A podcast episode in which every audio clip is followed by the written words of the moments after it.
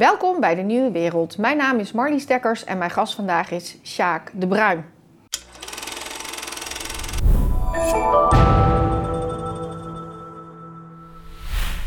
Sjaak, welkom. Ja, dank je.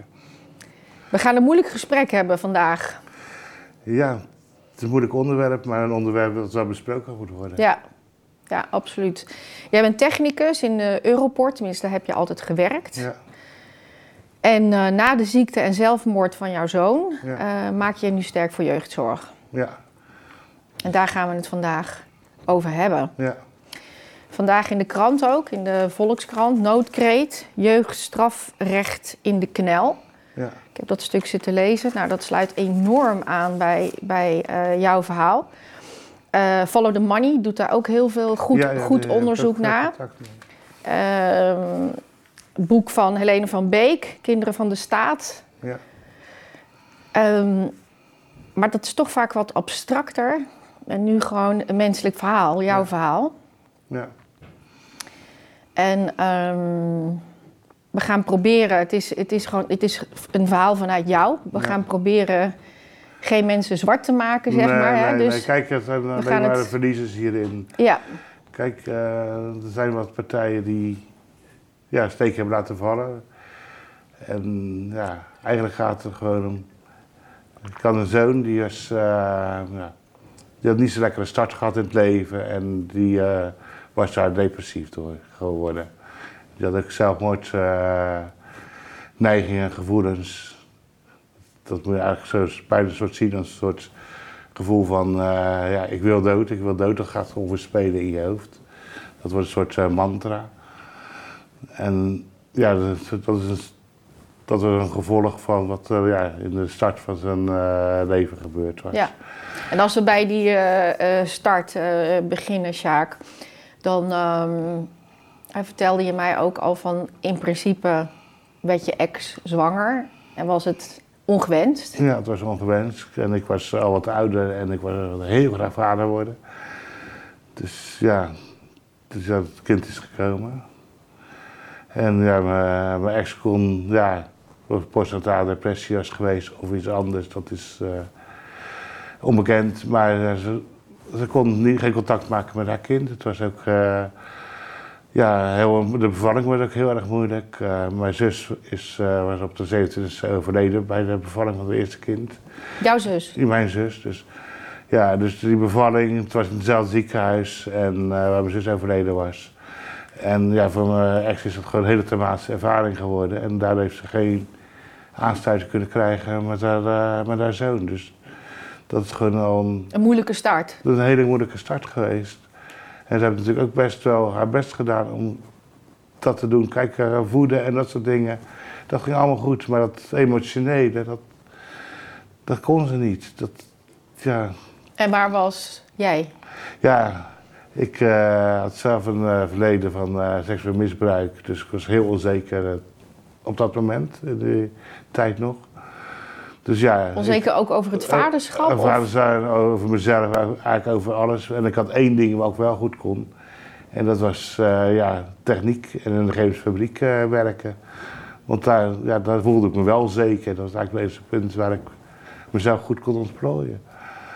Want ja, dat, dat kon ik. Ja, En dat wist ik. En dat, eh, daar, daar, dat beheerste je. ja, kreeg dus daar was ik ook graag. Ja, dus daar was ik ook graag. Ja. En ja, En graag is, hoe, hoeveel, hoe, werkt, hoe vaak ja, werkt? 60, 70 uur was wel een normale werkweek. eh. Dus de opvoeding. ja, dat kwam eh, heel veel op mijn vrouw terecht, mijn ex terecht toen. Ja, en die, stond daar dus niet, ook Ja, niet sterk in op dat nee, moment, die door kon daar allerlei niet- redenen. Ja, die kon daar... Ja, de, ja ook- heeft ook een, had ook een verleden van eh, mishandeling bij haar ouders. Dus ja, dat... eh, ja, dus we, we zijn gewoon een slechte start erin gehad. En ja, na verloop van tijd eh, ja, kwam de scheiding. Dat was onoverkomelijk. Ik had mijn derde burn-out, dus ik was even opgenomen geweest. En mijn oudste zoon was al naar mijn moeder gegaan. Dus eh, ja, die zegt van ik kan niet meer bij mijn moeder blijven. Ik kom maar, ga bij u wonen, oma. Dus die woonde al bij oma. Dus En oma kon wel eh, stabiliteit geven? ja, oma dus, eh, die is heel stabiel. Die eh, komt nog van de Tweede Wereldoorlog. Die hebben altijd eh, Ja, die is altijd heel stabiel geweest. Ja. Dus ja, daarna ben ik bij mijn oma eigenlijk de opvoeding gaan doen. In het begin was ik van de burn-out was ik nog heel ziek. En ja, langzamerhand ben ik sterker geworden, goede therapie gehad. En eigenlijk mezelf eigenlijk gevonden, eigenlijk pas in die periode. En hoe oud was toen je zoon? Eh, toen hij eh, wegging was hij negen jaar. Bedoel je mee toen hij wegging? Toen zijn moeder wegging was hij eh, negen jaar. Toen stond hij bij zijn oma op de stoep. Dus we hebben nog, nog vijf jaar heel hard ons best gedaan om hem... En was dat eigenlijk een soort vluchthaven voor hem? Ja, Omdat ja, de ouders allebei toch heel erg met zichzelf ja natuurlijk. in de eh, knoei kijk, zaten. Moet ik dat eh, zo zien? Ja, dat natuurlijk. Eh, moeder zat met zichzelf in de knoei. Ik zat met mezelf in de knoei. Ik was eh, ja, mijn verleden aan het verwerken. Ik was ook weer aan het proberen eh, ja, beide benen op de grond te komen. Want ja, ja, een misbruik, dat kun je wegstoppen, maar het moet toch een keer verwerkt Mhm. worden. En ik was een van de eerste jongens of mannen die naar, mee naar buiten kwam. Ja. En iedereen zei van ja, dat kan niet, het gebeurt alleen bij meisjes. Maar dat is natuurlijk niet waar. Nee. Het gebeurt eh, ja, ook heel vaak bij jongens. Ja. Precies getallen weet ik niet, maar tussen 10 20 procent zit zeer zeker van uh, misbruikzaken. Dus eh, ja, ik kan me, dus daar heb ik eh, ja, therapie voor gezocht. Ik kwam bij een goede therapeuten terecht. En, ik heb En bij niet- je vrouw, of de- nu je ex-vrouw, die, hoe, hoe, hoe zat die erin? Dat, was die ook in therapie? Of? Eh, nee, dat, kijk, eh, die komt uit een ander land, een andere cultuur. eh. als je daar met therapie of gek bent, dan lig je met een ketting aan een boom vast. Dat, ja. dat gaat daar anders in Indonesië. Ja. Dus dat gewoon heel anders gekeken, want therapie dat is ja, voor de zwakkelingen. Voor de mindere.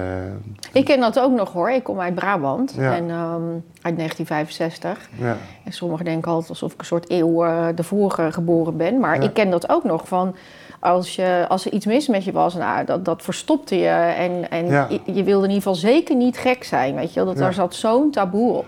ja. ja En dat is in, in, in, inderdaad in veel landen ook nog zo. Dat, eh, en therapie, dat is heel ver weg. Ja, dat is heel ver weg.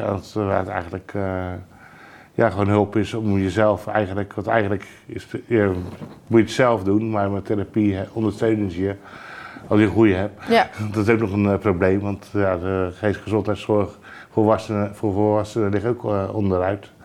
En voor de jeugd ligt eh, ook helemaal op zijn gat. ja, ja daar, komen we, daar komen we zo. Ja, Ehm, nou, je zoon is naar, naar jouw moeder, zeg maar, gevlucht. ja, jij een burn-out. Ja. Dus ik ga nadat ik eh, opgenomen was geweest, eh, ook terug eh, naar mijn moeder.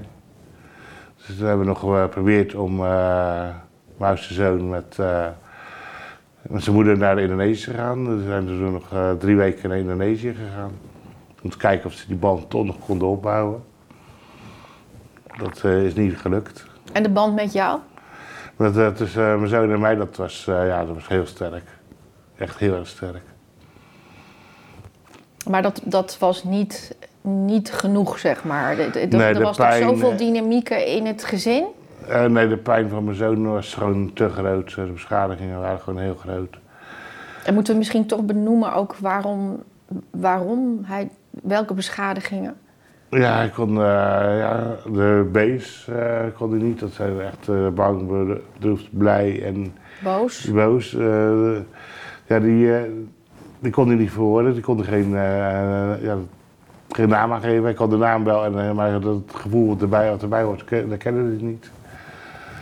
En eh, ja, was natuurlijk door eh, wat er allemaal gebeurd was ook heel erg onzeker. eh.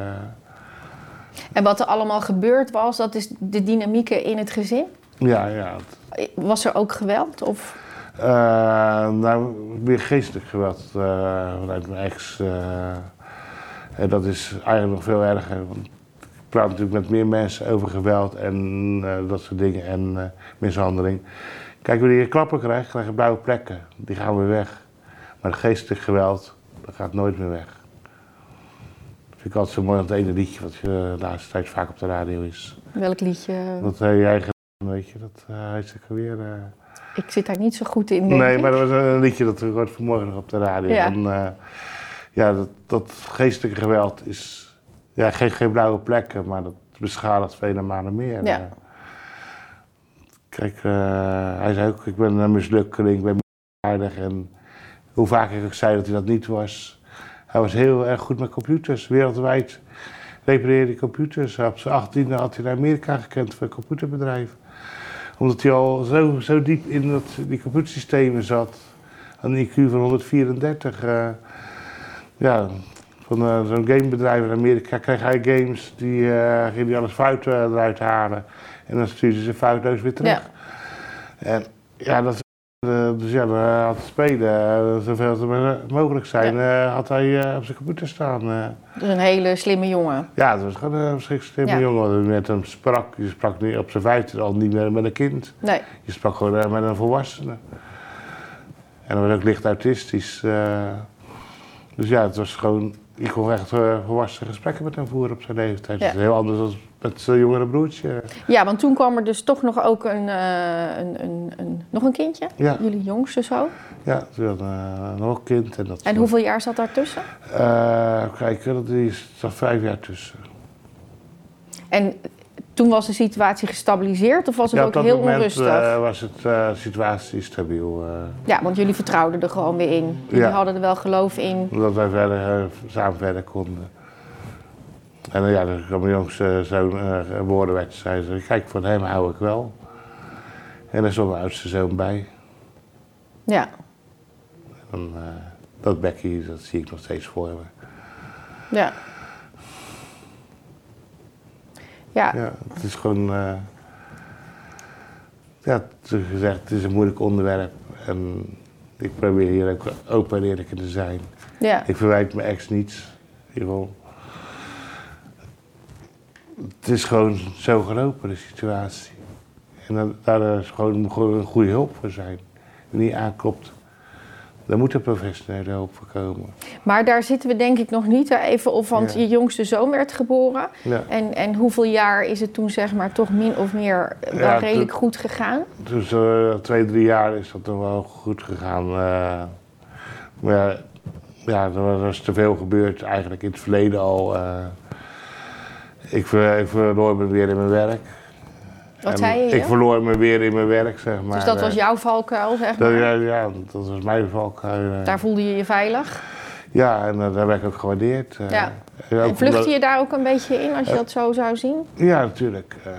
Het is natuurlijk ook dat, je, dat minderwaardigheidsgevoel wat ik eh, gehad heb, natuurlijk, van het misbruik. Ik voelde me vies. En minderwaardig en eigenlijk niemand. Dus ja, dat was in de relatie sta je dan ook niet sterk. Ja. Je spreekt ook niet van je af. Je bent altijd bang ook om alleen te weer verder te moeten en dat soort dingen. En ja, dan spreek je elkaar ook niet goed aan in een relatie. Eh, ruzie maken deed ik niet. eh. Maar je kan het wel goed verwoorden. Eh, Dus dat, dat heb je geleerd in de therapie. Ja, en dan natuurlijk, naast, uh, ja, het einde van mijn zoon ben ik natuurlijk heel veel uren mee bezig van hoe is iets Wat is er allemaal gebeurd? Dat komt een beetje uit mijn, ja, uit mijn werk weer terug. Van als er daar iets fout ging, of bijna fout ging, dan moet er schreef daar reportages uh, over. Om te zorgen dat het niet nog een keer Ja. fout gaat. Dan analyseerde je het. Gewoon alles analyseren, ja. Want, uh, ja, want ja, het is gewoon moeilijk. Uh, de pijn en verdriet Ja. van een kind missen is gewoon heel erg. Ja. Dan loopt het toch dusdanig mis en dan, dan komt er een scheiding. Ja. Ja, in het begin ging dat vrij goed. Ik deed de administratie. En ja, toen wilde mijn ex verhuizen. Ja, dan zei ze van, je hebt het oudste kind en dan uh, neem ik het jongste kind mee. Ja, dat kon ik niet. Want uh, allebei mijn kinderen Heb hebben mij lief? nodig. En dan, uh, ja, ik heb ze ook lief. Ik kan ook niet zonder mijn jongste zo. En ja, een kind heeft, wat er ook gebeurt, eigenlijk altijd beide ouders nodig. Mhm. Ook gebeurt. Mijn oudste zoon ook, die had gewoon, ja, ook zijn moeder heel hard nodig. Wat er ook al gebeurd was, hoe ze, hoeveel dingen er niet goed gelopen waren. Hij had zijn moeder nodig, ook om zijn verleden te kunnen verwerken. Want dat is, ja, En dan ehm, komt er, eh, dat is vaak natuurlijk, hè, dan gaan mensen scheiden en dan komen er nieuwe liefdes. Ja, mijn ex had een nieuwe liefde in Brabant. Eh. Ja, die, eh, ja, dus ze wilde daarheen verhuizen.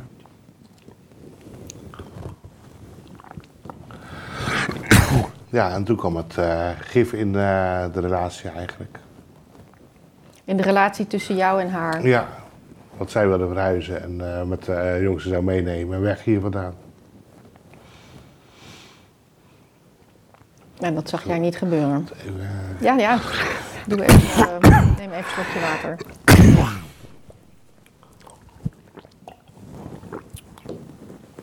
Ja, dat mocht voor mij wel weg, maar niet eh, mijn jongste zoon meenemen. Want ja, die had ook zijn oudere broer nodig en ook mij nodig. En ja, toen kwam eh, de eerste keer jeugdbescherming erbij. Dus dat was het punt dat jeugdbescherming erbij kwam. Het zijn twee periodes geweest. En het is dan... Neem nog een, eh, wat water. Sorry. Geen probleem.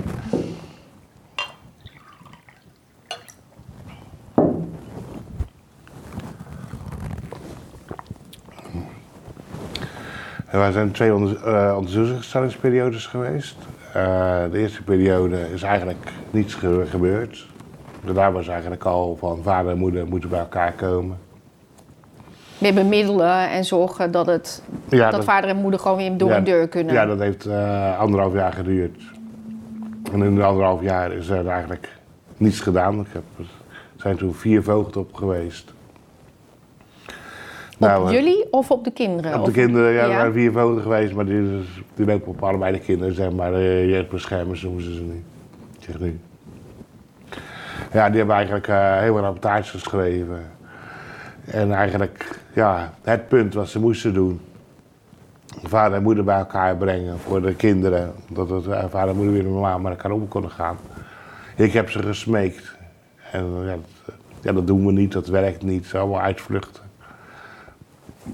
Maar ja, dat is gewoon eh, vier man. Hebben daar gewoon anderhalf jaar zijn ze betaald geweest. Maar er is, er is niets gebeurd. Maar gewoon heel even dat ik het goed snap, hè, Sjaak. Ik Ja. bedoel, het is, het is altijd best Ja. wel lastig, want dat is een hele privé situatie, Ja. weet je wel. Ja. En, en ehm, ja, mensen maken ruzie met elkaar. Ja, kinderen zijn dan de dupe in die Ja, situatie. tuurlijk. En, ehm, en jouw punt, als ik het goed begrijp, hè, is, is van...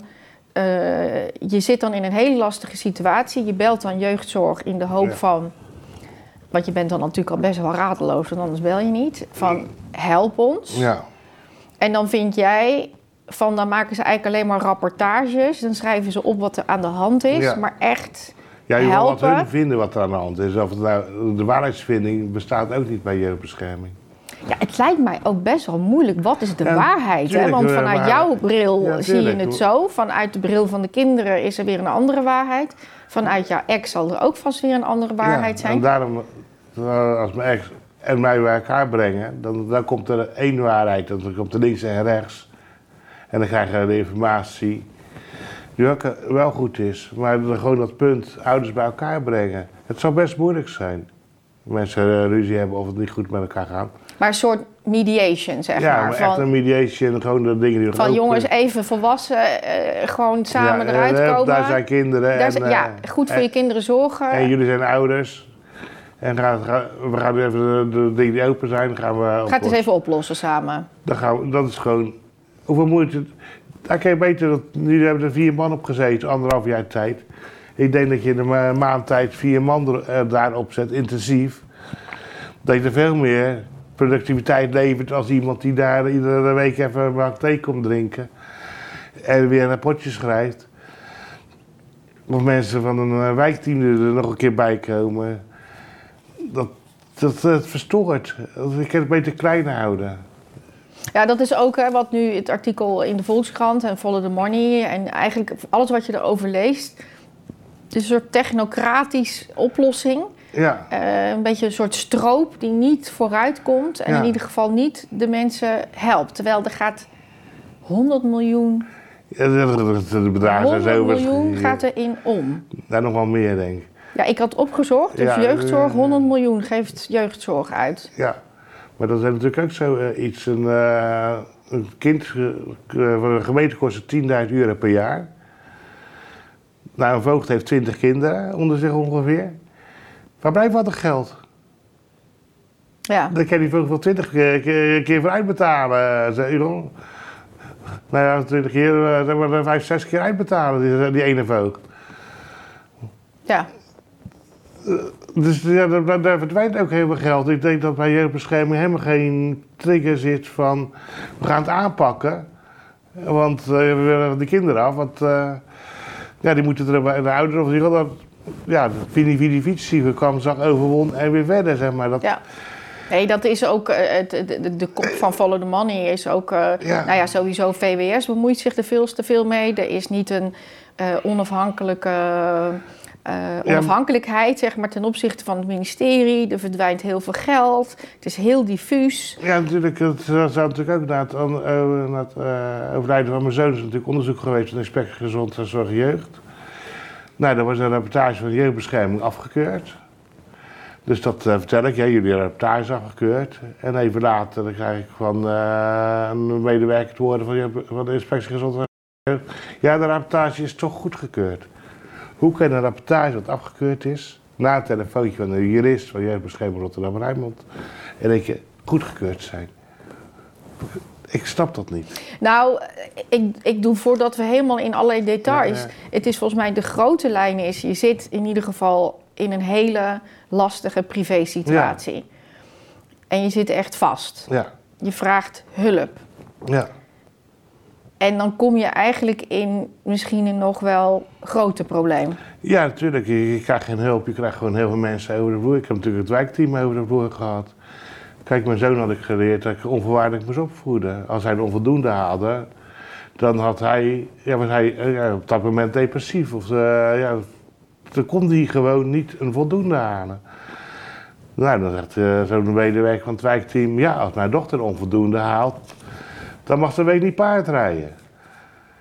Dan denk ik van, ja, maar tegen wie zit ik nou te praten? Mijn zoon kon geen voldoende halen omdat hij ziek was. Ja.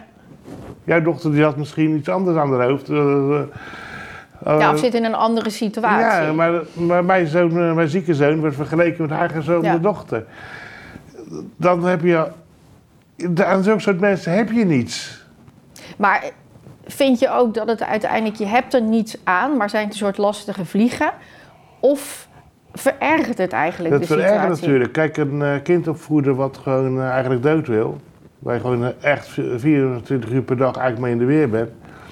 Dat vergt gewoon heel veel van je. Het is gewoon een, achtbaan. De ene keer is hij weer eh, wat vrolijker. Dan, ja, dan pep je op. Dan de andere keer is hij eh, heel depressief. Dan loopt alle energie trekt het uit je. Dat is gewoon verschrikkelijk zwaar. En als je dan ook nog mensen over de vloer krijgt die er echt niets vanaf weten. Die alleen nog maar ja, je ook nog energie uit je leegzuigen, dan, dan schiet dat niet op. Nou, dat lijkt me dan dat, dat lijkt me heel frustrerend zelfs. Ja, ik zeg altijd, kinderen zijn vliegtuigen. En oh dan- ja? Nee, maar dan moet, je, daar moet je aan laten werken door een vliegtuigmonteur.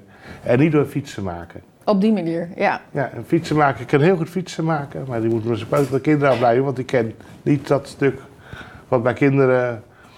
Ja, dat is gewoon een specialisme. En, die, en dat specialisme, dat zocht je Ja. door zeg maar die noodroep.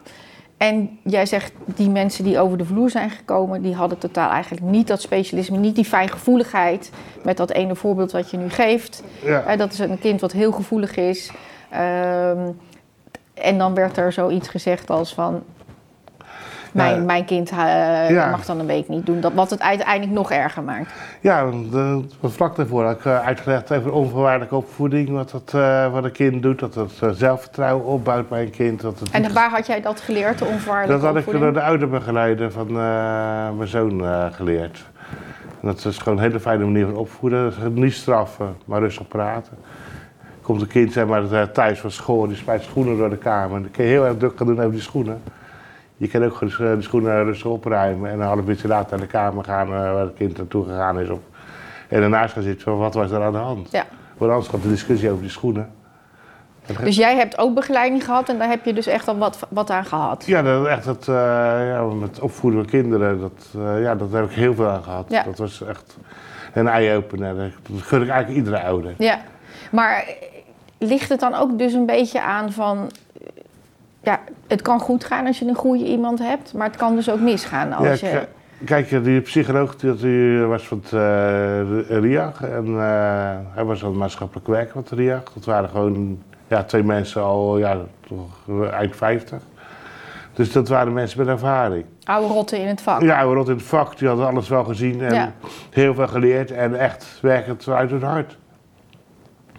En ja, de, want de raad van het wijkteam over vloer kreeg, ja, dat waren maatschappelijk werkers, maar ja, niet op het eh, niveau wat je nodig hebt voor een kind. eh. Maar te jong, te onervaren of zelf Eh, getraumatiseerd? Of hoe moet... ja, ik, ja, wat, eh, ja, onervaren, vooral van jeugdbescherming. Dat, dat die wisseling van eh wachten is zo groot daar.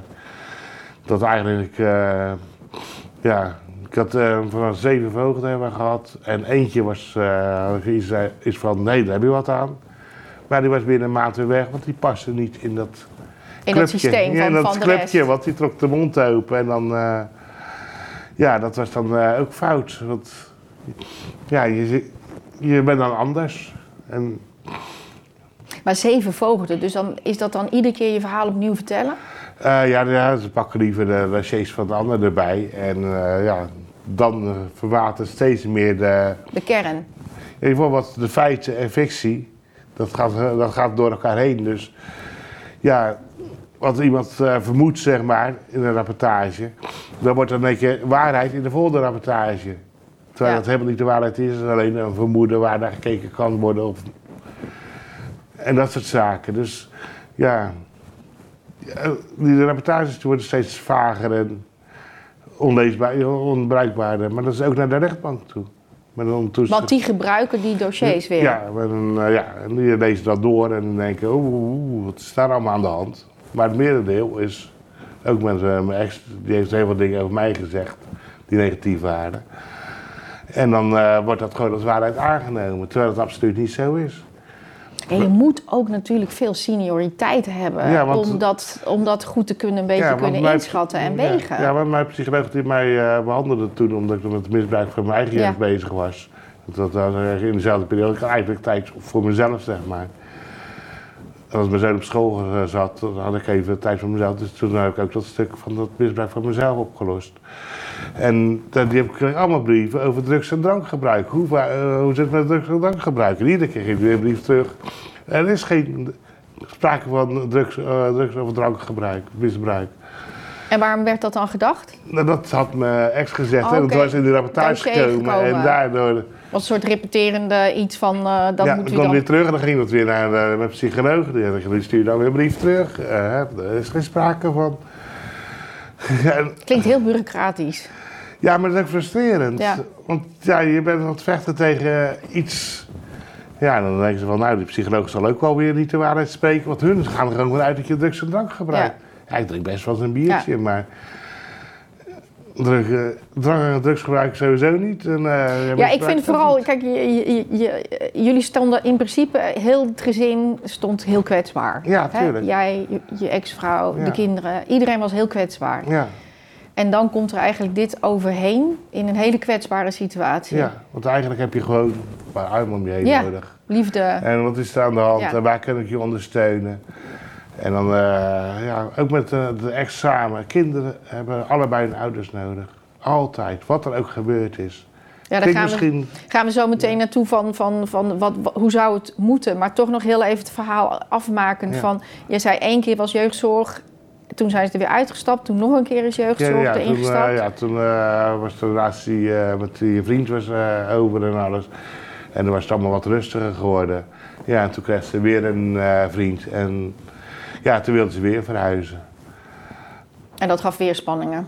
Ja, dan gaan weer spanningen, want Ja. dan wat mijn jongste zoon nou, wilde ze meenemen weer. Ja. En toen kwam er toch een moment dat dan jeugdzorg dacht van dat jouw oudste zoon uit huis geplaatst moest worden. Ja, dat eh, was eh, al- heel erg in het begin van de tweede onder- toezicht- nee, onder toezichtstellingsperiode. En eh, toen kwam er gewoon met de dreiging van, "Hup, eh, we gaan eh, je uit huis plaatsen. Dat En dat- zeggen ze dan gewoon zo. Ja, Dat ze niet in overleg of... nee, dat was gewoon heel cru. En vanuit...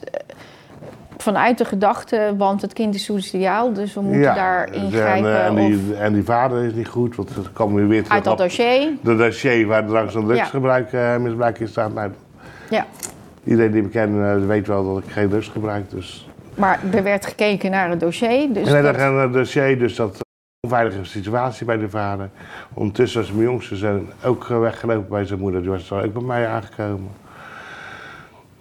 Eh, want toen uh, daar was dan ook naar zijn oma gevlucht. Want ik was toen even net een weekje met mijn oudste zoon. eh, even een weekje in Centerparks. Even Ja. eruit.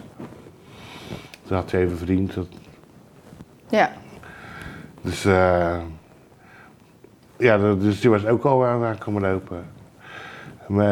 De, de moeder met eh, de nieuwe vriend kwam s'avonds verhaal halen. Nou, die heeft eh, de politieagent, die hebben dan de kinderen helemaal gehoord die avond. Dus die hadden besloten, de- tegen de, wat jeugdbeschermers, de jeugdbescherming gebeld, had gezegd, de jongste moet terug naar zijn moeder. De agenten hebben officier van dienst gebeld.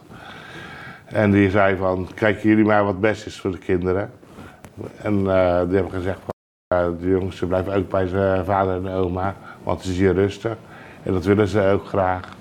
Want dat gaven de kinderen zelf ook aan. Ja, eh, ja mijn oudste eh, zoon had heel- de hele tijd met de politie zitten praten. Want ja, die kon zich heel goed verwoorden en alles wat er speelde. En die had aangegeven van het is hier veilig, er is niks aan de hand. En mijn jongste zoon, ja, die wilde ook niet naar zijn moeder.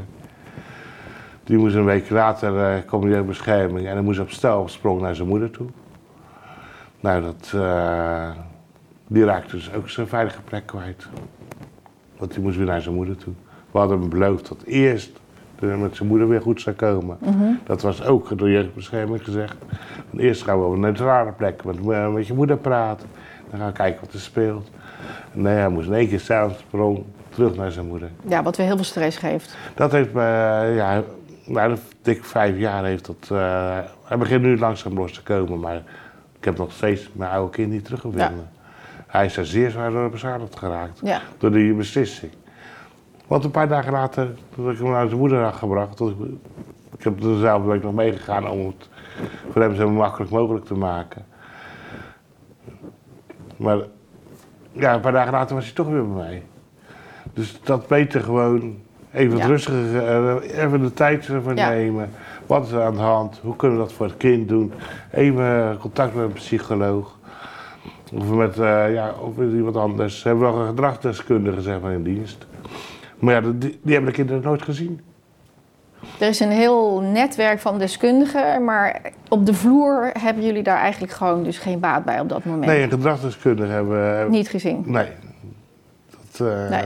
En zeker de kinderen die hebben nog nooit een gedragsdeskundige gezien van die jeugdbescherming. En, en, en nou ja, op een gegeven moment zijn die spanningen dus dusdanig opgelopen dat jouw oudste zoon eh, ja, zelfmoord gepleegd heeft. Ja, kijk, het- ja, hij ging achteruit op school. Onder de, de dreiging met huisplaatsing. En dat wilde die per se niet. Dat wilde hij niet, want dat, eh, dat is mijn veilige plek. Ik, ja, hij had zijn eigen kamer. Ja, ook met computers, camera's en alles. eh, ja, hij kon filmen, films bewerken. Gewoon doen wat hij leuk vond. Ja, natuurlijk. eh, hij had alle apparatuur. eh. kijk, een programma om films te bewerken, dat, dat haalde hij van het internet. Hij haalde even het stokje, stokje eraf, zeg maar. Dat, Hij was een hacker. dat had hij er even uit en hij had gewoon dat programma voor hemzelf. Ja. En Dus- hij zijn eigen dossier, zei hij. Hij had dat ook gehackt. Ja, hij, had, eh, ja dat, hij was goed in eh, overal binnenkomen. Ja. Eh, dus ja, er meerdere beveiligingssystemen. Het klinkt allemaal leuk, alle wachtwoorden, maar geloof mij. Hij kwam er door. Ja, dat, dat, dat, er zullen best veel meer zijn die dat net zo goed kennen als Ja, hij. Ja. Hij slikte al jaren antidepressiva. ja, zei je? denk ik, ja. Dik een jaar. Ja, dus ja, ik was erop tegen, maar ja, gezien hij ouder was het 12, dan eh, was het zijn, zijn mening. En Mhm. En hij wilde het graag. Hij wil het graag, het vlakt eh, zijn emoties af. Ja. En, eh, ik heb zelf eh, toen met de burn-out ook antidepressiva geslikt. En ik heb zoiets van, dat nooit meer. Nee, Ik ben er zelf een enorme, nee, daar ben zelf Nee. een enorm tegenstander van. Ja. Dan kan je beter depressief zijn zonder als depressief zijn met. Ja. Ja, dat is mijn ding hoor. Ja. Maar eh, ja, ik was daar zelf ja, tegenstander van. En dat heeft eh, ook, dat is ook een schakel geweest, denk ik, in zijn zelfdoding. Dus dat is eh, ja, en natuurlijk eh die uithuisplaatsing, dat was natuurlijk eh, een punt. Afwijzing bij een eh, instantie waar hij eh, zes maanden op de wachtlijst had gestaan. Voor, eh, dat alle hoop opgegeven, opgezet van, Bij Jutters bedoel je? ja, Ja. dus eh, dat hij daar eh, hulp zou krijgen. Dus ja, toen eh, eigenlijk de afwijzing kwam en hij eh, op zijn nieuwe school gekeken had, heeft hij de beslissing genomen, ik maak er een eind aan.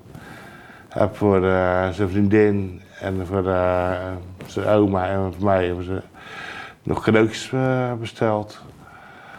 En ja, op de woensdag heeft hij ja, zijn lokker opgeruimd. Op school aan zijn leerkrachten nog even een eh, babbeltje meegehouden. En ik kwam toen heel vrolijk thuis uit school. Hij ging nog wat aan zijn computer doen. Dat- die bouwde, dat, daar kon ik echt alles mee, mm. En eh, ja, hij was vrolijk. Hij had nog even eh, afspraak gemaakt voor mijn advocaat voor vrijdag. Dus ja, op dat moment Merkte je niks? merkte ik niks. De andere momenten, ja, dan voelde ik het aan. Maar mijn, mijn moeder zei, oma voelde het heel goed aan. Ja. En eh, ja, dit moment, dit, deze keer niet. Nee, hij was gewoon eh, heel rustig, dus ik dacht, het gaat goed met hem. Ja. En ik stuurde eh, met eten, drie etages hebben in het huis. We hadden een appje, want eten is klaar. Ja, en hij kwam niet naar beneden. Ik had geroepen en liep naar boven. En daar hing hij in zijn kamer, dat daar verhangen. En nog een dan klaargelegd dat ik hem los kon knippen. Zo goed had het voorbereid. Ja, dan ga je reanimeren. Ja. En dan eh, komt tijdens reanimeren tot besef dat het niet meer te redden valt. En dan bel je 112, dan eh, is in één keer heel je huis vol met uh, ja, politieagenten, uh, dat ambulancepersoneel, traumahelikopter was er nog bijgekomen. Ja, dan, dan wordt alles serieusistisch, dan eh, gebeurt alles om je heen, maar dan, dan besef je het niet meer. Je, je raakt verdoofd. Een soort beschermings Ja. systeem in je lichaam is dat. En dan eh, komt, eh, ja, ik krijg nog een telefoontje van de, de voogd een eh, paar dagen later. Van, eh, ja, dat ze niet meer verder gaat, dat er een andere voogd komt. En dan weer dat drank- en drugsgebruik. Terwijl dat geen item was. Jezus. Dus eigenlijk zijn ze helemaal blind gegaan op een Ja. gebeuren wat helemaal niet eh, Aan de hand was. aan de hand was. Daardoor hebben ze beslissingen genomen. Die eigenlijk ja, catastrofaal geworden Ja. zijn. En dan- daarna kreeg ik een eh, voogd, een, eh, ja, een stevige vent. Die eh, begon te dreigen met alles soort dingen. Ik had, Te dreigen? Ja, met, eh, ja, als er, eh, je, op, sociaal, op social media dingen zet, dan, eh, dat dan, eh, dat dan zorgt ervoor dat je, je jongste zoon nooit meer ziet. Meen je dat nou? Want ik, doe, ik, ik hoor die verhalen, of lees je natuurlijk ook bij die 1675 kinderen van de toeslagaffaire, dat die ouders niks mogen zeggen. Maar ik, ik kan bijna niet geloven dat Je het- wordt bedreigd. Het, je wordt bedreigd door. Je- je- instantie die de je instantie, Maar niemand houdt die instanties tegen, want je bent nergens. Je krijgt geen aangifte doen. Maar je hebt net je kind verloren en dan wordt er dat tegen je gezegd. Ja. Want eh, mijn zoon had nog een rechtszaak eh, tegen zijn moeder aangespannen. En dat speelde rond die tijd. En eh, daardoor, eh, ja, dat kwam natuurlijk op tv, op internet en weet ik wat. Er er lopen rondes en dingen gaan er rond. Dus ik had even op social media even feiten neergezet. Want dat is wat ik voor, voor, voor mij ook niet leuk. Wat er allemaal gezegd werd, ze werden met de dood bedreigd en dat soort dingen hou ik niet van. Mhm. Nou, en ook dan eh, werden ook dingen gezegd, ja, je hebt dingen anoniem op internet gezet. Nee, ik heb nog nooit iets anoniem op internet gezet. Mijn naam staat overal bij. Want dat wil ik niet. Alles wat ik op internet zet, kan ik onderbouwen of een zaak achter. Ik vind dat je nog heel rustig dit kan vertellen. Maar het feit dat je dan in zo'n situatie gewoon... Ja, maar eh, ja, dat, dat word je gewoon vastgezet. Dat is, je, wil- je wil je rouw in. Ja, Je, mijn rouw heb ik niet gehad. Want ik moest weer sterk zijn, ik moest weer groot je zijn. moest vechten ik moest eigenlijk. weer, eh, Vechten voor je volgende man- zoon. Ja, Dat jeugdzorg daar niet zo met zijn je vingers eigenlijk, aankomt. eigenlijk eens een keer even die deken even je heen wat trekken en even een paar dagen gewoon... Nee, je moest weer eh, sterk zijn. Omdat je anders eh, gezegd wordt van je bent niet in staat om voor je andere kind te zorgen. Terwijl het gewoon een normaalste zaak op de wereld is. Dat je eventjes... Ja, dat... eh, ja, er moest weer uit gaan staan. En, ja, het is gewoon... Dat, die mensen die moeten gewoon eruit. Er moet gewoon... Er gaat zoveel geld in om, maar er wordt niets geproduceerd. Ja. Ja, en, jij zegt ook, hè, het gaat om, om 45.000 kinderen die, die, die wel uit huis ook zijn geplaatst. Ja, dan, dan, die kwijt zijn. Ja, heel veel ouders zijn doodsbang, maar de kinderen zijn er. Nu is dat jongetje natuurlijk vermist in Limburg. Maar voor al die ouders voelt het hetzelfde als voor de ouders van dat jongetje. Wat is er met mijn kinderen? Eh, een andere vrouw die is oppas in de Rebel, die eh, was er een, een meisje van 14 ongeveer. Agnes Plaat, toch? Ja, ja, een plaatje, die ken ik ook. ja. Er was, hier was er ook een kind, eh, een dood kind gevonden. En, En toen dacht ze dat het haar kind was. ja, een kind was, maar zo al die Ja, ouders. dat is een paar dagen geleden was dit, Ja. hè? Dit is echt een drama. ja, ik haar- Jason, die twittert ook heel actief. Ja, Dat is een kind ook, die eh, in de in de jeugdzorg gesloten ook- jeugdzorg gezeten. Nou, de, de jongen die is ook zwaar beschadigd geraakt. Als mijn zoon uit huis geplaatst was geworden, had hij in- ook in die gevangenis terechtgekomen om hem tegen zichzelf te beschermen. Maar eh, die kinderen die daaruit komen, komen er beschadigd uit. Het is geen jeugdzorg. Het is een gevangenis waar ze in zitten dan. Jason heeft gewoon in een voormalige gevangenis gezeten. En dat pand was over en daar is dan gesloten. Het is gewoon absurd. Het, Het is zo als, je, als je absurd. er niet in verdiept, dan geloof je gewoon. Nou, Geloof je het gewoon niet. dat had ik echt. Ik heb me hier echt flink in moeten verdiepen. Want ik kan, je kan gewoon bijna niet geloven dat dit in Nederland eh, gebeurt. Dat, dat ja, is het een... is een verschrikkelijk grote mensenrechten schending, wat is- gewoon er nu gebeurt. En uh, deze op aanspreking, ik heb mevrouw Tiede uit de Tweede Kamer heb ik gesproken. Die weet alles van, die noemt die echt bescherming aan een monster. Dat was in december na de dood van mijn zoon. Ik heb twee gesprekken met haar gehad. En, eh, Met wie? niet Met? met mevrouw Tiede, Ja. Tiede. Maar er verandert niets. Ze weten dat het in Den Haag dat het fout zit. Het zit al heel veel jaar Ja, natuurlijk. ja, maar vanaf dan kan ik het bewijzen. Ja. Want daar heb ik het gesprek Toen heb ik het gezegd in ieder Dan heb ik geval. gezegd, dus ze weten het. Ja. En Want dan nu wordt- schermen ze een beetje van, ja nee, dus er is een tekort aan mensen in de markt. Maar het speelt dus al gewoon heel lang. Want met jouw zoon, dit was vijf jaar geleden. Ja, het speelt het is wel of, eh, al zoveel lang. hè. Dat- Kijk, ik kom uit de proceschemie. We hadden prachtige, duidelijke protocollen. Zo doe je iets.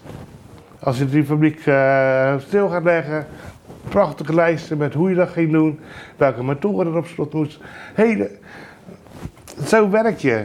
Dan zeggen ze, ja, ons werk is complex. Nee, het geen fabriek ook complex. Maar als je je aan de protocollen houdt, als je hele goede standaarden maakt, dan kun je geen fouten maken. Ja, want even gewoon nog even afsluitend, want de, Ja. de tijd, we vliegen er doorheen. Gewoon even wat punten, weet je wel, wat, wat Ja. jij zegt van, hoe zou het wel moeten? Hè? Want dat is uiteindelijk nu ook een beetje jouw, jouw, jouw levenstaak, missie geworden. Van, ja, bedoel, je bent zelf een zoon verloren. Ja. Eh, Ze zaten al bijna met hun vingers aan je volgende zoon. Ja. Eh, je kent heel veel mensen bij wie dit speelt. Ja, ik heb nu wel een goed gesprek eh, met de gemeente uh, Thuis, waar ik zelf woon. En daar gaan we echt kijken hoe we de dingen anders op kunnen pakken. Gaat financiën niet goed met mensen? Gaan we de financiën aanpakken? Gaat, zet daar een budgetcoach op. Ga uitzoeken uh, welke schulden of weet ik wat ze hebben. Ga ik bij de mensen kijken van wat speelt er bij de mensen zelf.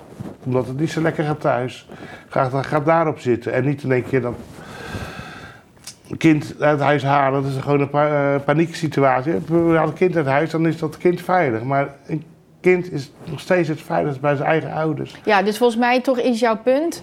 Eigenlijk kost voor kost hou het kind thuis. Maar Ja. ga kijken wat is daar aan de hand. En hoe kan je de ouders zo ondersteunen en de kinderen. Ja, Hè, dat, dat, zodat die thuissituatie in ieder geval zo veilig mogelijk wordt. ja, Ehm, maar dat, die, dat, het kind uit huis plaatsen is nog traumatischer. Ja, dat is voor een kind zo traumatisch.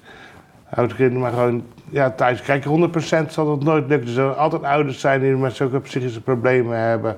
Dat dat echt niet mogelijk is. Maar dat is nog niet 1%. Haal ik zeker uit de lucht, maar nog 1% van wat er nu uit huis Ja. gehaald wordt. De cijfers tussen Duitsland en Nederland die liggen enorm uit elkaar. Duitsland zijn minder eh, kinderen uit huis geplaatst als in Nederland, terwijl het land veel, veel meer inwoners heeft. Dat is Ik heb er echt geen woorden voor, Sjaak. Het is, eh, ik ben heel is- dankbaar voor, voor, voor je verhaal. Ja, Ehm, het is heel, ehm, heel ingrijpend wat er gebeurd is.